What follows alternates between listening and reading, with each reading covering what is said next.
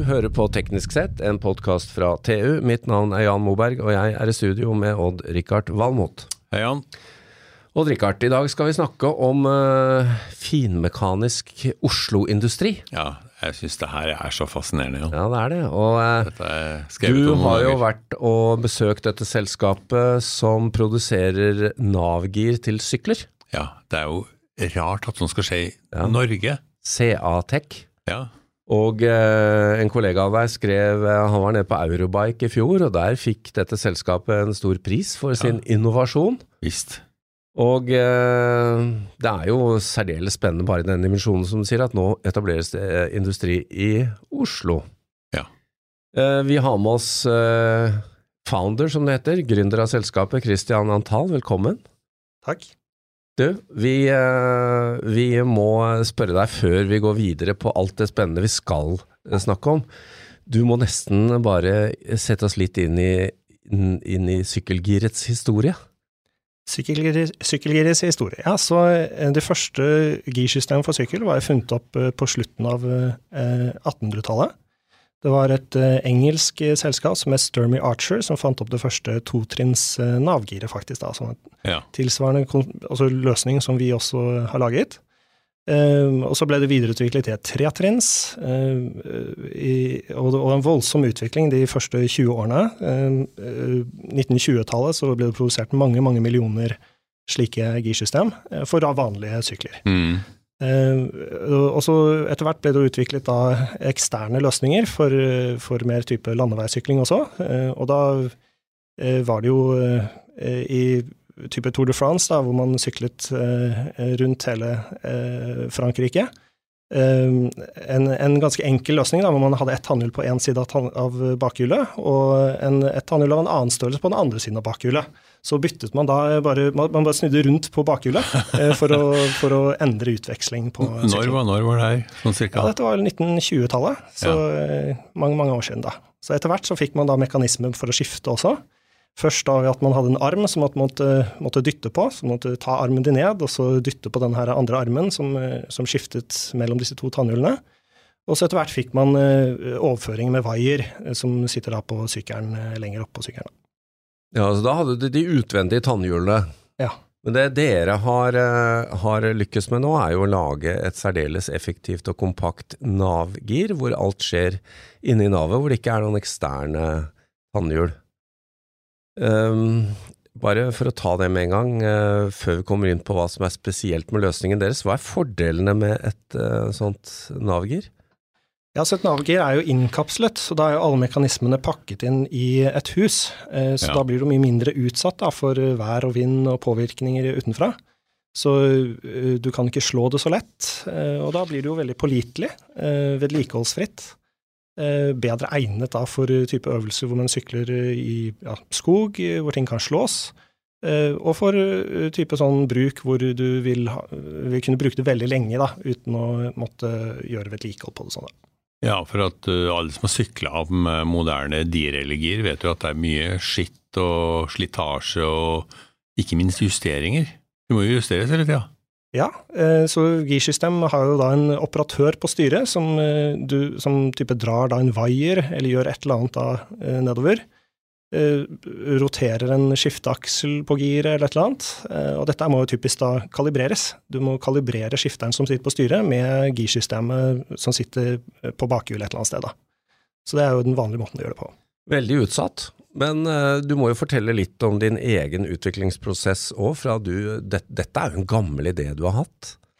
Ja, så jeg er en syklist eh, fra uh, ung alder. Så på tidlig 90-tall uh, drev jeg med terrengsykling da, rundt omkring i Oslo-området. Syklet uh, konkurranser.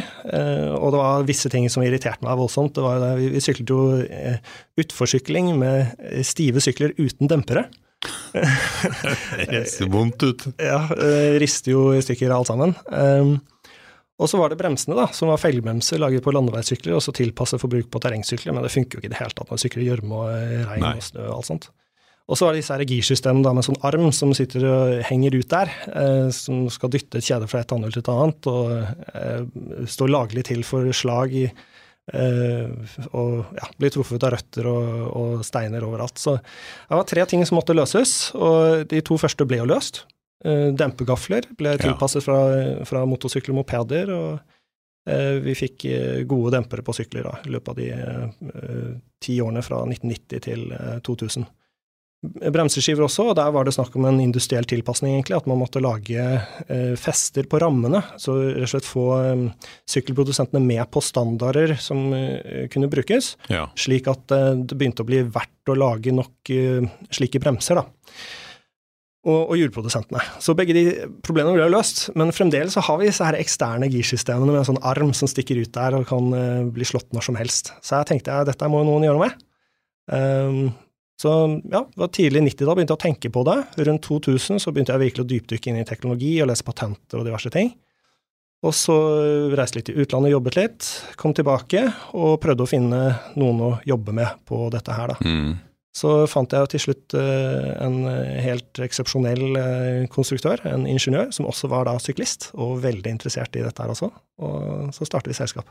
Knut Tore Jøsne.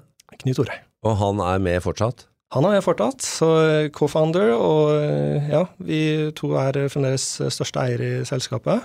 Eh, og han er sjefskonstruktør, og for den siden av eh, driften av selskapet, så er jeg en potet og dagleder og ja, administrator og ja.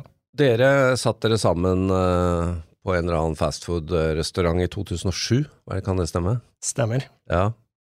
Så vi Kom først i kontakt på et uh, sykkelforum. Vi diskuterte tekniske løsninger, og jeg så at han var skikkelig smart, så jeg sendte han en melding og spurte om han var interessert i å jobbe med en slik uh, utfordring, og det syntes jeg han var spennende. Så gikk det et par dager, og så fikk jeg en Excel tilbake med kalkulasjon av utveksling og diverse greier. Jeg skjønte at han er fyren og vet hva han driver med. Så da, eh, da, var det fast forward, og så gikk vi ned på Burger King ved, ved Saga kino og pratet i flere timer. og så... Ja. Det bør komme sånn der sånn som blått sånn uh, skilt på, på det Burger der, Odd Rikard. Nei, men det, det, er jo riktig å si at han, han var jo godt inne der. Han har konstruert for Porsche, krasjsystemet.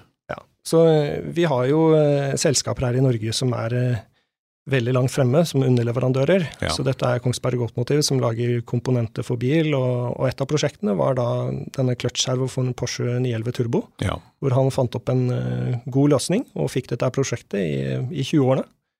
Og dette produktet gikk jo i produksjon og var, uh, da i 15 år eller noe, uh, fra, gjennom 993 til 996 og 997-modellene til Porsche. da solid kompetanse du fikk med deg.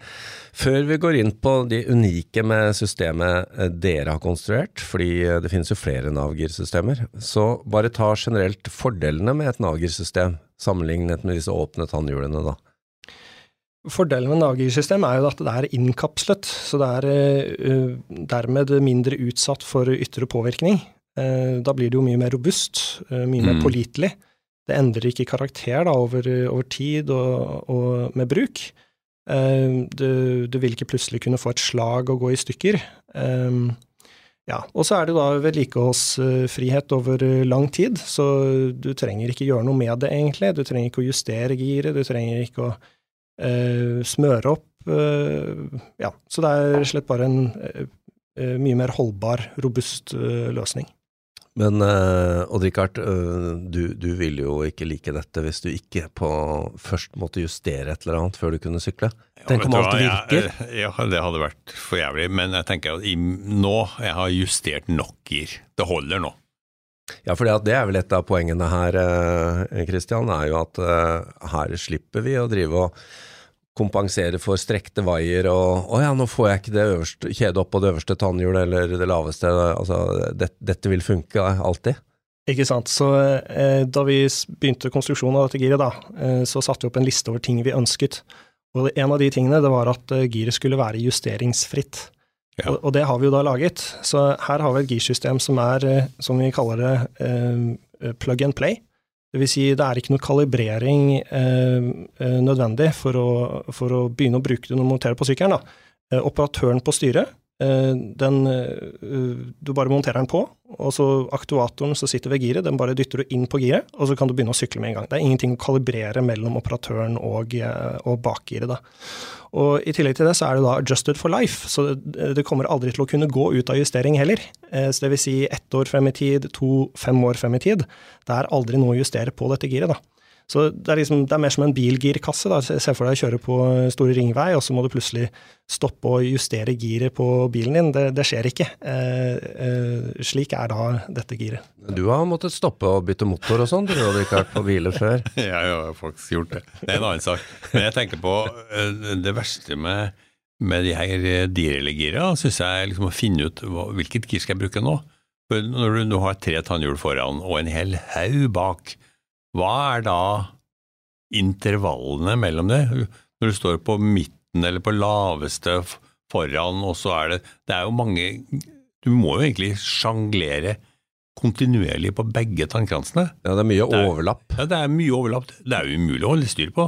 Stemmer det. Så eh, sånne eksterne girsystem, eh, de har jo gjerne mange gir. De har Ja. kanskje 18 gir, eller 21, eller opptil 30 gir. Ja, Men i realiteten så har noe mange færre pga. på grunn av dette er overlappet, da. ja. Eh, Og så må man kombinere da hvor kjedet skal stå eh, på kransen foran og på kransen bak. I vårt gir da, så er det jo alle girene sekvensielt etter hverandre. Så vi har f.eks. et 14-trinnsgirsystem.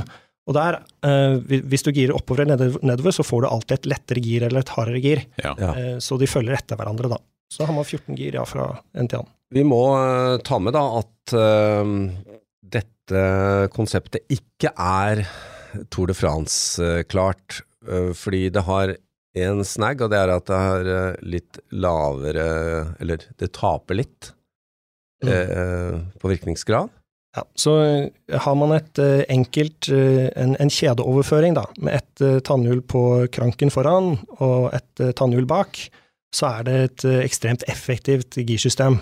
Eh, og et sånt eksternt girsystem er jo i prinsippet slik, men med et planetgir eh, som er inni baknavet på sykkelen, så får en jo i tillegg disse planetgirene som skal da rotere rundt hverandre.